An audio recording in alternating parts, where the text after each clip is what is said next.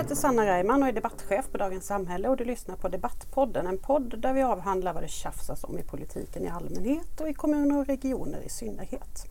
Jag har som vanligt med mig en panel. Den här gången består den av Marika Lindgren Åsbrink. Du är utredare på LO och krönikör här i Dagens Samhälle.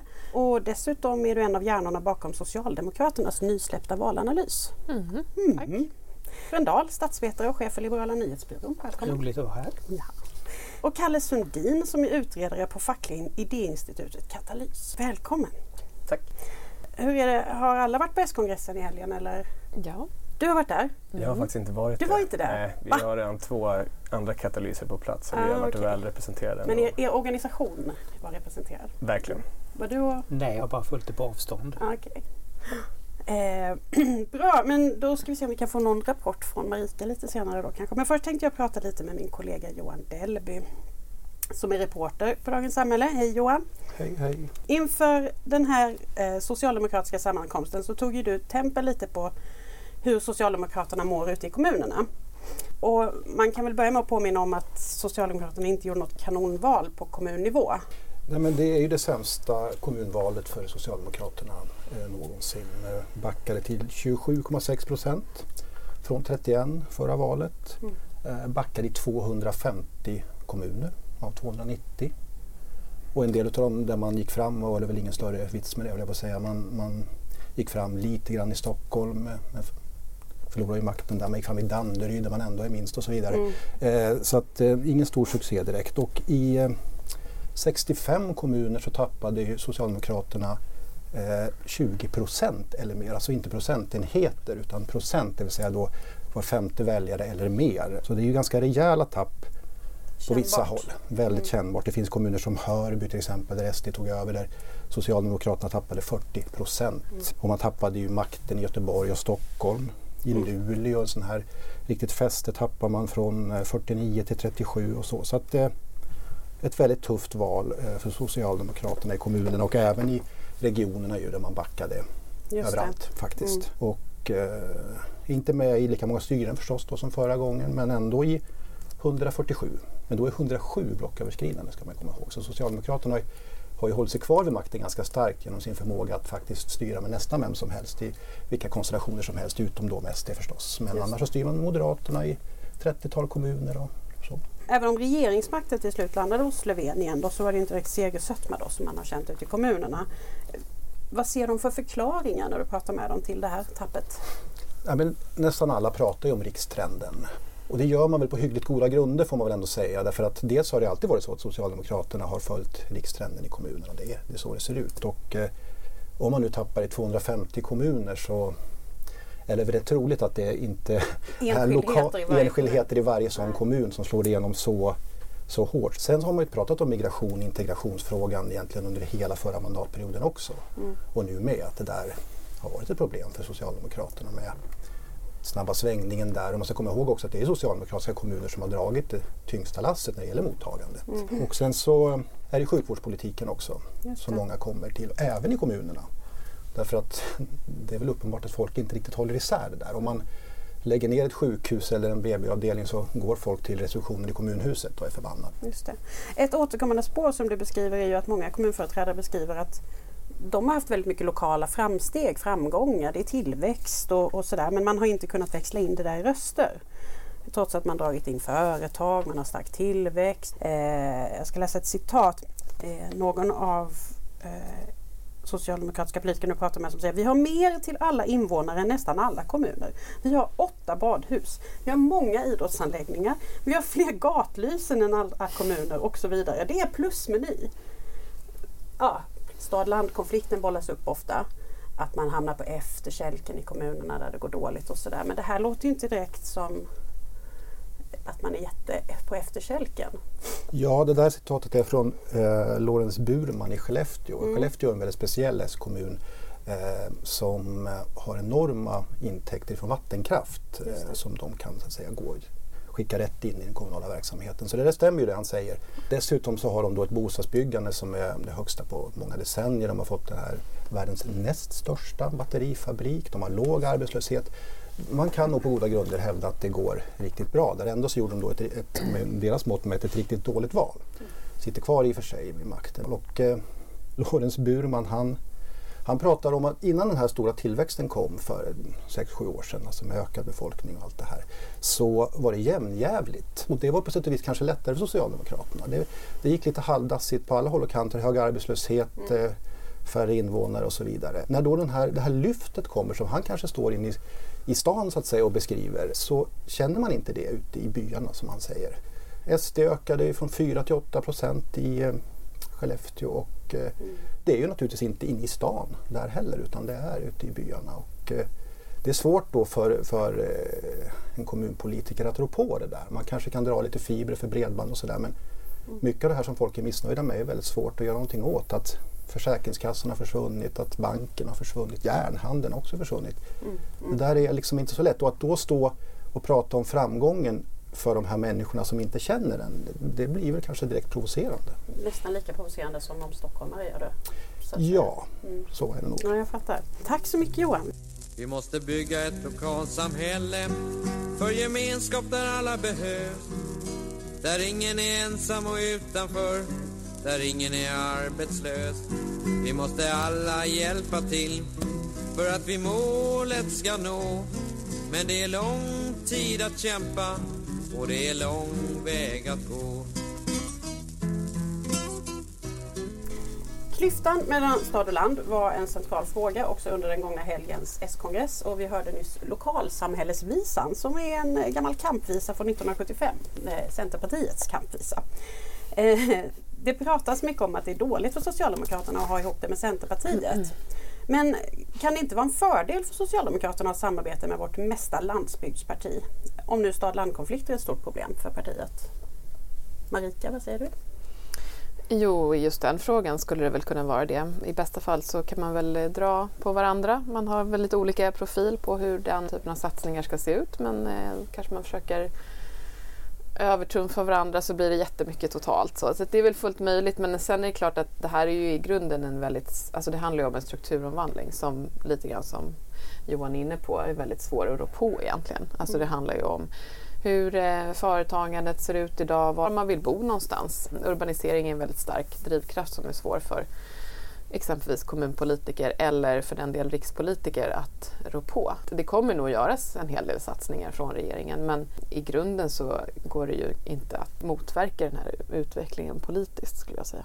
Den komplicerande faktorn där är ju att Centerpartiet, som ju historiskt sett varit en mycket välfungerande samarbetspartner till Socialdemokraterna, mentalt håller på att bli ett annat parti och vad man är intresserad av, vilka väljare man vill, vill vinna. Där är man ett helt annat parti eh, idag, även om man vill fortfarande är ganska starka på många ställen i landsbygden så är det här ju ett parti som framförallt är ett kulturradikalt marknadsliberalt storstadsparti. Det är där man vill vinna väljare. Det är där man har gjort den här helt fascinerande resan de senaste åren där man bytt ut stora delar av sin väljarkår. Det att man bryr sig kanske inte om landsbygden lika mycket längre. Nej, det är mycket roligare att vinna väljare i Stockholm helt enkelt, tycker de flesta centerpartister. Dilemma för många partier. Den där.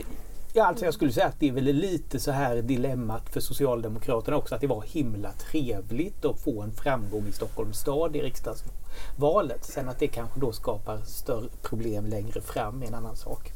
Ja, nej, men jag håller med. Jag tror, jag tror inte att Socialdemokraterna kommer så att säga, vinna röster på att, att, Centerparti, att man har Centerpartiet som, som en landsbygdspartner. Det är ju ett parti som, som har helt bytt väljarkrets, som har en, en helt annan inriktning på sin politik. Och just de här inslagen med försämrad arbetsrätt där ju liksom Centerpartiet är de som driver på starkast. Eh, Man har sagt att man vill sänka skatter till OECD-snitt eh, eller man, man skryter om att man vill sänka skatterna mest i svensk politik.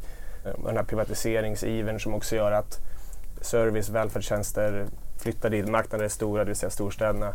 Det är ju sånt som absolut inte kommer gynna landsbygden och sånt som absolut inte tror jag kommer dra in de här eh, väljarna som lämnat Socialdemokraterna för SD. Så att jag tror att det är snarare en nackdel för Socialdemokra- Socialdemokraterna om de skulle förknippas med Centern. Sen kan man väl säga att det är väl för Socialdemokraternas del ändå alltid en fördel att sitta i, re- i regeringsställning. Det kan jag ju då från borgerligt håll avunda Socialdemokraterna att man har den självklarheten inför regerandet som S har. Att, så att det är väl fördelen. Men sen kanske den här regeringsbildningen tillkommit, precis som Kalle är inne på, lite på fel fel grunder. Att en regeringsbildning kanske bör bygga på att det finns någon form av ideologisk samsyn. Johan, du nämnde ju att det var mer och fler och fler eh, blocköverskridande samarbeten, ibland till och med med Moderaterna. Är det överlag så att, att man kan se att Socialdemokraterna är lite mer det nöden kräver samarbeten? Ja, alltså om man pratar med socialdemokratiska kommunpolitiker så återkommer de ju till det här med att man vill ta ansvar.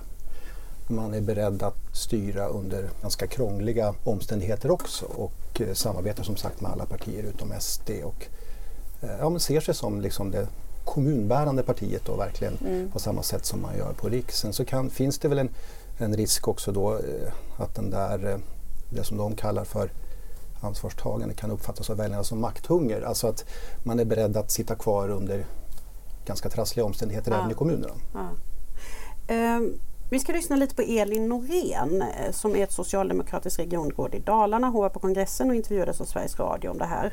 Och det här är hennes svar på frågan om hur Socialdemokraterna ska åstadkomma ett land som håller ihop bättre. Vi behöver framförallt fokusera på tre saker. Det ena handlar om en ökad jämlikhetspolitik, alltså mer fördelning mellan olika delar av Sverige men också mellan grupper och individer. Det andra handlar om en bättre arbetspolitik, alltså med bättre arbetsvillkor, med, bort med de otrygga anställningarna. Och sen för det tredje så behöver vi också ha en statlig politik som, som eh, utjämnar mer mellan kommuner och landsting. För idag ser vi att några går före och några halkar efter och det gör att välfärden inte är lika bra i hela landet. Mer fördelning, tryggare anställningar och mer utjämning mellan kommuner och landsting i landet. Och Löfven avslutade kongressen bland annat med att försvara januariavtalet. Men det finns ju en del i det som kanske inte kan sägas levererar det som Elin Norén och kanske många andra socialdemokrater ute i landet önskar. Det dilemmat, hur ska han hantera det, Kalle? Ja, jag, jag hoppas på något sätt att, att partiet som sådant, som organisation kan hitta en struktur för det här som man kan så, så, politikutveckla, kanske genom partiet, möjligtvis genom partisekreteraren, göra någonting som, som känns att partiet har en, en ideologisk riktning som visar att man vill göra stora satsningar på regionpolitiken för att välfärden ska fungera i hela landet, mm. höja pensioner så att människor inte behöver bli fattigpensionärer när man slutar jobba. Mm. Klimatomställningen det är ju en stor fråga för landsbygden så som det ser ut nu i januariavtalet så, så pratar man om en grön skatteväxling där man ska göra det dyrare att konsumera på ett sätt som är dåligt för planeten, det vill säga bensinskatt och annat som, som kommer slå mot landsbygd eller de som är beroende av bil.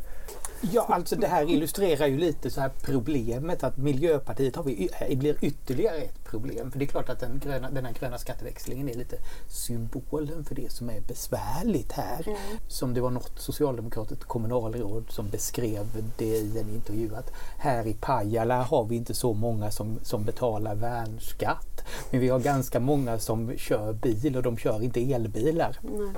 Och någonstans där finns Socialdemokraternas problem sammanfattat ganska väl. Mm. Jag tror att den klyftan mellan stad och land den kommer ju fortsätta växa. Det har att göra med inte bara liksom hårda fakta utan också en känsla av var finns utvecklingen? Eh, är man liksom med på tåget eller inte? Är man med i framtidsberättelsen eller inte? Mm. Och jag tror att man kan se just att det här får en ökad politisk dimension. Att de politiska åsikterna kommer sorteras ännu mer geografiskt än vad vi kanske har sett tidigare. Ja, det här är liksom inte helt helt enkelt att eh, rå på. Eh, jag tror inte heller egentligen att januariavtalet är ett jättebra svar på den klyftan. Men det här går ju tillbaka långt. Alltså det, det är ju intressant om man läser äldre valanalyser, exempelvis från eh, Socialdemokraterna. Då är man ju jätteoroad över att det är liksom Eh, det är i Stockholm man tappar, det är i TCO man tappar, mm -hmm. det är bland högutbildade, alltså allt det här. Liksom. Och sen har man ägnat många, många år åt att försöka parera det här på olika sätt. Mm. Och istället så börjar man tappa de andra ändarna. Då börjar man tappa på landet, då börjar man tappa bland LO-väljare. Men jag skulle också säga att det här är ett lite större problem än bara för Socialdemokraterna. Ja. I Agenda i söndag så, så, ställdes frågan inledningsvis om huruvida Socialdemokraterna hade blivit ett parti som vill ha makten till varje pris. Jag måste säga att jag fnissade lite på det där. Mm. blivit? För om det är något som det råder konsensus om normalt sett i svensk politik så är det väl just det att Socialdemokraterna söker alltid makten. Och jag undrar lite grann, för att innan vi landade i den här januariöverenskommelsen, innan allting vecklade ut sig så som det är och korten hade fallit, eh, så fanns det ju röster inom socialdemokratin som menade att äh, låt oss köra i opposition och slicka såren och politikutveckla och sådär. Eh, kan och bör S rata makt ibland? Ja eller nej? Om jag svarar på frågan rakt så är det att man ska absolut inte bara ha makten för maktens skull. Men just i den här situationen så tror jag inte att det fanns så mycket andra alternativ. Just den här regeringsbildningen var ju väldigt speciell i och med att alternativet var så pass dåligt och det är ju också såklart det som partiledningen framhåller. Man kan ju ändå fundera över någon slags omvänd eh, variant. Eh, det vill mm. säga någon form av borgerlig regering där det är Socialdemokraterna som står utanför och dikterar villkoren. Mm. Men det kanske inte är det det traditionella socialdemokratiska sättet att ta makt. Men det är inte uteslutet att det hade kunnat innebära ett större utfall, alltså att man faktiskt hade fått bättre utfall i sakfrågorna. Man kan väl också säga så att erfarenheterna från då de åtta Reinfeldt-åren av i opposition var väl inte direkt positiva för hur Socialdemokraterna fungerade och Socialdemokraternas utveckling under de, under de åren. Det var inte direkt så här den egna styrkan som gjorde att man kom tillbaka 2014. Johan? Nej, jag tänker på att en del av de eh, kommunalråd som jag har talat med socialdemokratiska är ju lite kluvna till det här med makten på riksplanet också. Exempelvis Niklas Nordström i Luleå och Lorentz Burman som jag pratade om mm. tidigare. Så om man nu talar om rikstrenden i det här fallet som, som då drog ner det lite grann så räknar vi ju inte med att det kommer att vara en rikstrend som kommer att lyfta det till nästa gång. Och så räknar man kanske med en lågkonjunktur under den här mandatperioden och det kommer att bli tufft. Samtidigt så tänker man ju att ja, men en S-regering det blir eh, mer statsbidrag. Det blir mer satsningar på infrastruktur i Norrland tror man. Så att de är lite kluvna där.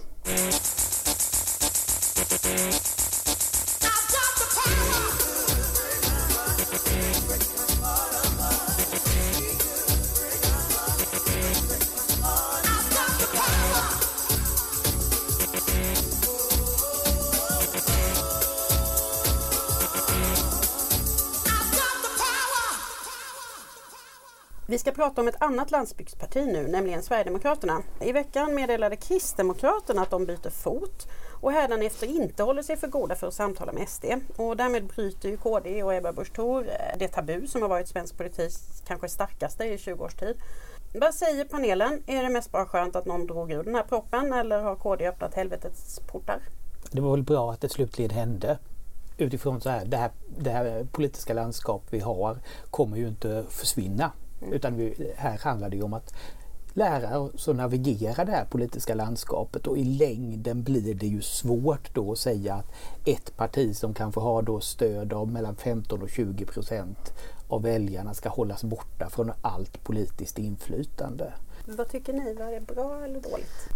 Det är bra att någon är ärlig men det har ju varit underförstått i resonemangen från egentligen alla de borgerliga partierna. Eller man har ju liksom lämnat besked som ändå har inneburit att man på ett eller annat sätt skulle vara beroende av Sverigedemokraterna. Alltså redan innan valet samtidigt som man inte ville stå för det. Mm. Eh, och det där är ju problematiskt om man ändå tycker att politik bör vara någorlunda enkelt för människor att följa och att politiker ska vara liksom transparenta.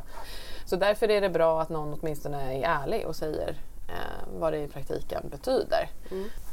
Ja, alltså, jag vet inte om jag tycker att det är bra i sig. Det är fortfarande en normalisering av Sverigedemokraterna som en mer accepterad del av, av ett samarbete eller en, ett konservativt block. Men, eh, men absolut, jag håller med om det. Att det har ju ändå varit underförstått. Först var det att himlen skulle falla ner innan Ulf Kristersson skulle kan tänka sig gå fram med en mindre M-ledd regering utan C och L.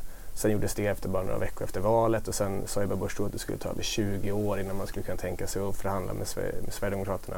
Mm. Och nu var det helt plötsligt efter sju månader accepterbart. Så det är uppenbart att det här har varit intecknat som, som en del av, av deras strategi ändå. Så visst, det är, väl, det är väl bra att man i alla fall vet vad det är som händer och väljarna får se vad som händer. Men, mm. men att, att SD normaliseras tycker jag i sig inte är någonting som, som man ska vara ja, det är ju fortfarande någonting som man ska gå... Nej, verkligen inte. Nej. Det kanske är svårt att föreställa sig men jag skulle säga ändå på ett par mandatperioders sikt kommer nog så gott som alla partier att ha ungefär det här synsättet på SD som, som Ebba Busch Thor gav uttryck för.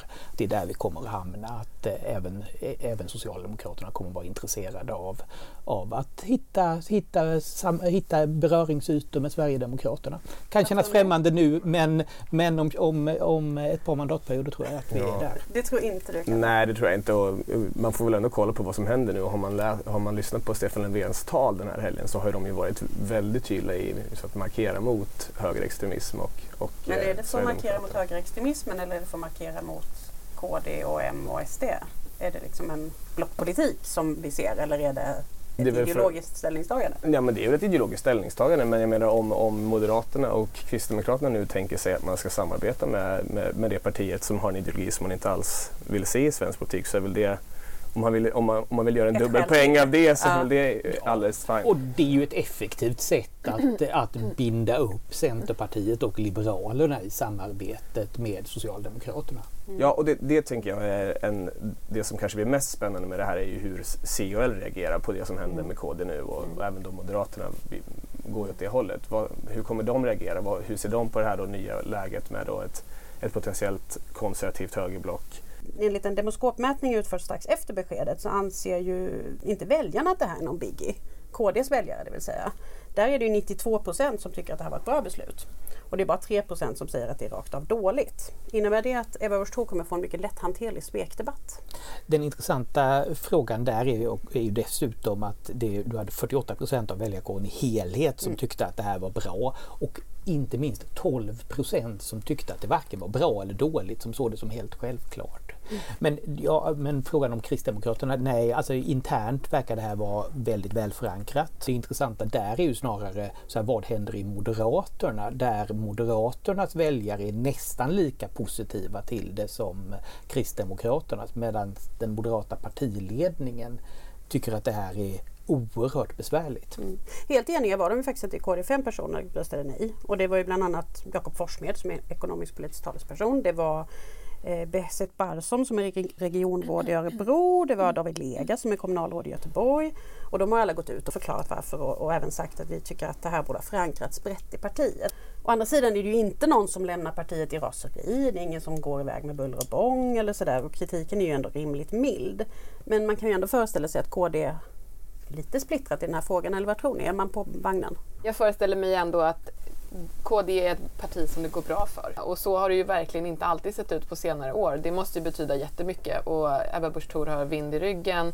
Och det är klart att deras framgångar bygger ju ändå på en ganska tydlig politisk inriktning som de har haft på senare år som ju också går åt det här hållet. Liksom. Sen har jag stor respekt för att det finns ett antal personer som ändå, alltså så här, KD har ju ändå en helt annan historia och det måste ju också märkas bland deras medlemmar såklart att det finns personer som har en helt annan ingång till politiken än vad kanske liksom Ebba Busch Thor-linjen. Johan, hade du en uppfattning om hur, hur det ser ut ute i landet? Jag har inte hört de här rösterna eh, lokalt från KD-folk på samma sätt som man gjorde med Moderaterna. Att det blev ett antal styren med, med Moderaterna och, och eh, SD var väl ingen överraskning. De, de där tongångarna hade man Finns hört det ett tag. exempel Från, på KD-SD-styren? ja, I Sölvesborg är de ju med. Sölvesborg. Och ändå är det svårare för Moderaterna Riks då att ta det här steget trots att de kanske har fler lokala styren där det redan är på gång.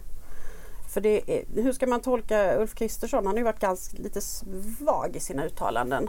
Han vill inte fördöma men han vill inte heller säga att vi är på vagnen här och gör samma sak. Min bedömning är att det handlar om en ganska stor vilsenhet inom Moderaterna kring hur då partiets framtida maktstrategi ska se ut. Att vad Ulf Kristersson försöker göra är att se till så att ändå dörren till Centerpartiet och Liberalerna ska hållas så öppen det bara går. Att det finns en, en förhoppning om att de ganska snart ska komma tillbaka och inse att januariavtalet ja, var en dålig idé och då gäller det att inte, inte bygga några onödiga murar åt det hållet. Samtidigt som det finns ganska många som gör internt i Moderaterna som gör analysen att Centerpartiet och Liberalerna är nog förlorade för åtminstone en eller två mandatperioder. Och hur ska Moderaterna agera då? Den frågan är oerhört svår internt just nu. För vad KD gör nu är ju egentligen att profilera sig som ja, partiet till höger i svensk politik och ta den, den positionen som ju Moderaterna alltid har kunnat ta för given. Och nu har man plötsligt två partier till höger om sig, om, om sig själva. Visserligen ett parti som många tycker genuint illa om, alltså i Sverigedemokraterna. Men nu får man plötsligt ett parti som ja, men så här, de flesta M-väljare skulle kunna tänka sig att rösta på. Och det är en jättesvår position. Men jag undrar om den verkligen kommer vara så om KDs position verkligen kommer vara så gynnsam. Alltså det är fortfarande en svår medial dramaturgi med det här att man är inte SD.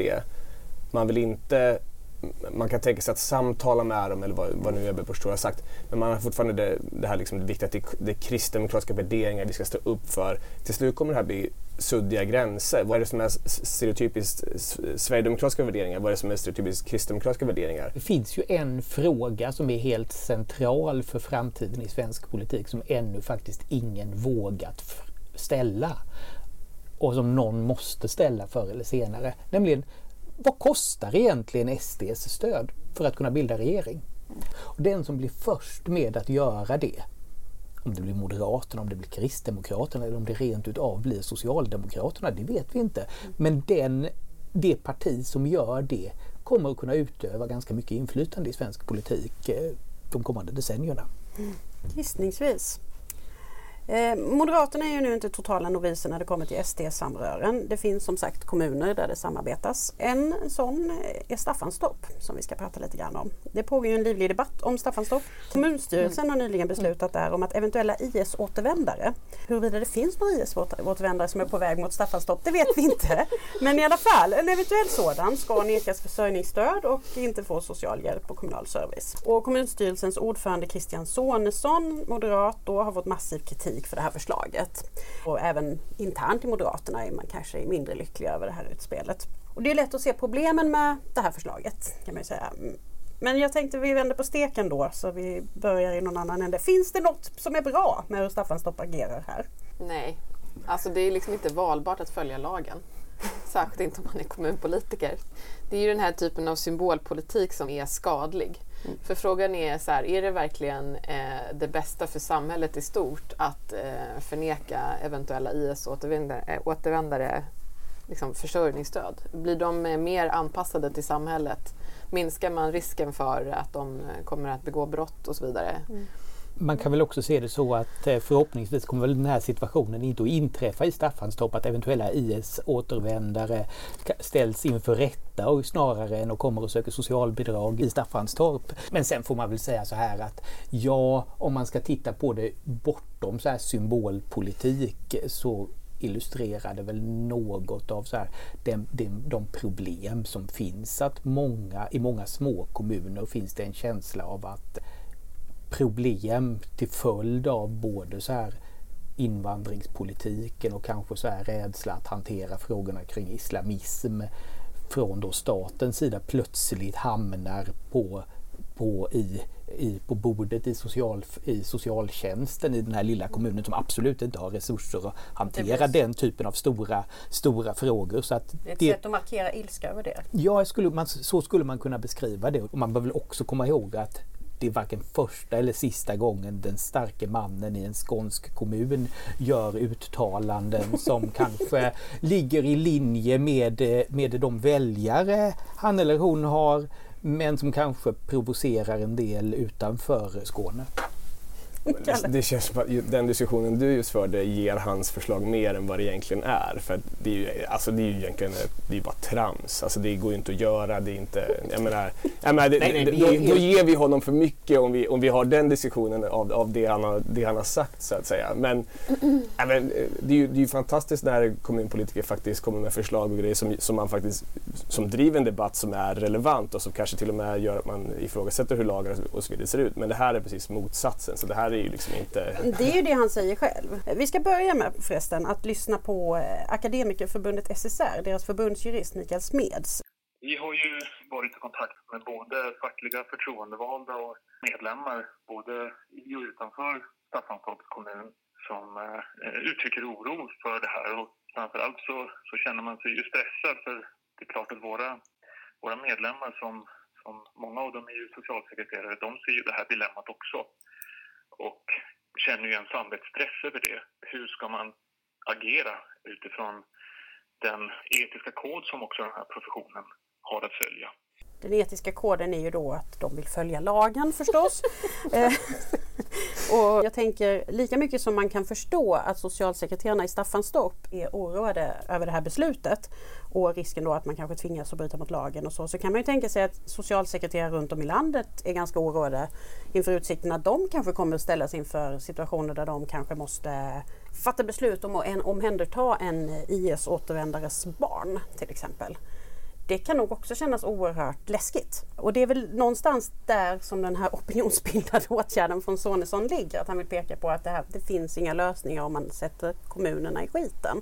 Vad bör regeringen göra för att förhindra att varje kommun hittar på den här typen av hemmabyggen till lösningar? I grunden handlar det ju om, om man, att det finns ju en inneboende motsättning mellan liksom vad, hur, vad är bra för hela landet eller för liksom samhället i stort och när sen eh, kommuner lite grann försöker spela Svarte Petter mot varandra. Mm. Det gäller ju inte bara den här frågan om IS-återvändare, det gäller helt andra frågor som ter sig kanske mindre laddade, till exempel bostadsbyggande. Alltså att befolkningen växer är på något sätt ett ansvar för hela Sverige men det är ändå så att det är kommunerna som i hög utsträckning äger frågan ifall man ska låta det byggas bostäder inom kommunens gränser eller inte och alla kommuner är inte intresserade av det. Liksom. Så att här finns det ju verkligen en, en inneboende motsättning mellan att ha, alltså när man har styre på olika nivåer. Det är stad och land igen. Eh, ja, och det, men det får väldigt märkliga konsekvenser när kommuner börjar spela Svarte Petter mot varandra. Så att säga. Mm. För att man, man löser ju inte problemet. Alltså, även med IS-återvändare så är det så att de finns ju någonstans i Sverige.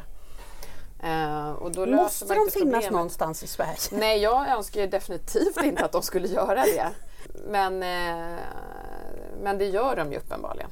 Uh, jag, tycker, jag tycker Marika har, har en bra poäng och man skulle kunna beskriva det så här som att det här är lite ja, konsekvensen av att vi på ett plan, att på nationell nivå har sett hela frågorna kring så här invandring men också med islamism som ja, frågor som, där, som diskuteras på ett ganska symboliskt plan. Så egentligen vad som behövs är sannolikt att de här, en lite, en lite nyktrare syn i den nationella debatten kring de här, kring de här frågorna bland politiker på nationell nivå. Som att man klarar av att erkänna att ja, in, en stor invandring får konsekvenser för hur kommunala verksamheter fungerar. En insikt om att skola och socialtjänst påverkas av vilken migrationspolitik vi för. Jag menar, ett rimligt krav att ställa från kommunerna är väl att ställa krav på den nationella politiken, att man har de resurser och den kompetens som behövs för att lösa problemet. Det som, som, som gör nu är ju bara att säga att jag vill inte ens se problemet. Nej. Och jag menar, det, det, kan, det är väl uppenbart att det finns inget parti som vill ha IS-krigare i Sverige. Och de som finns här nu måste vi se till så vi har resurser och kompetens för att hantera. Så att ett rimligt krav är ju att ställa att man får det. Ja, vi åter tillbaka till det här, hur hanterar du det lokalt? För här, det här är reella problem på mm. många ställen. Och den första frågan var så här, hur ska man, hur ska man, finns det någonting positivt att säga om det här om, om Christian Sonesson? Ja, då är det möjligtvis så här, ja det finns reella problem kring det och det kanske är bra att det, det eh, faktiskt påtalas och att det blir en diskussion om hur kommunerna faktiskt ska hantera de här frågorna på riktigt. Sen kan, kan vi ha synpunkter på just det här utspelet, att det här kanske ja, skapar en hel del problem i, faktiska problem i hur socialtjänsten ska göra Är vi det. bättre på synpunkter på Christian Sonesson än på vad vi ska hitta på för att hantera det? Ja det, ja, det skulle jag nog säga, för det är så mycket lättare för alla att ha synpunkter på det och det passar in i ett, i ett politiskt just nu väldigt starkt narrativ.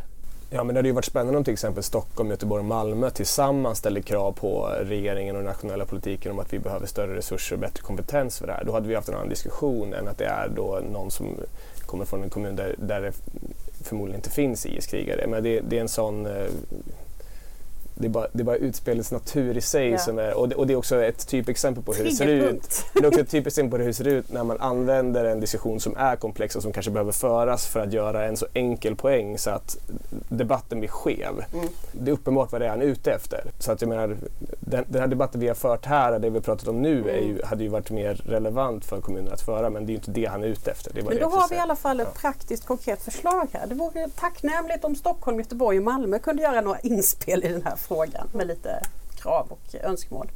Bra! Vi stannar där tycker jag. Tack så mycket. Tack, tack så mycket.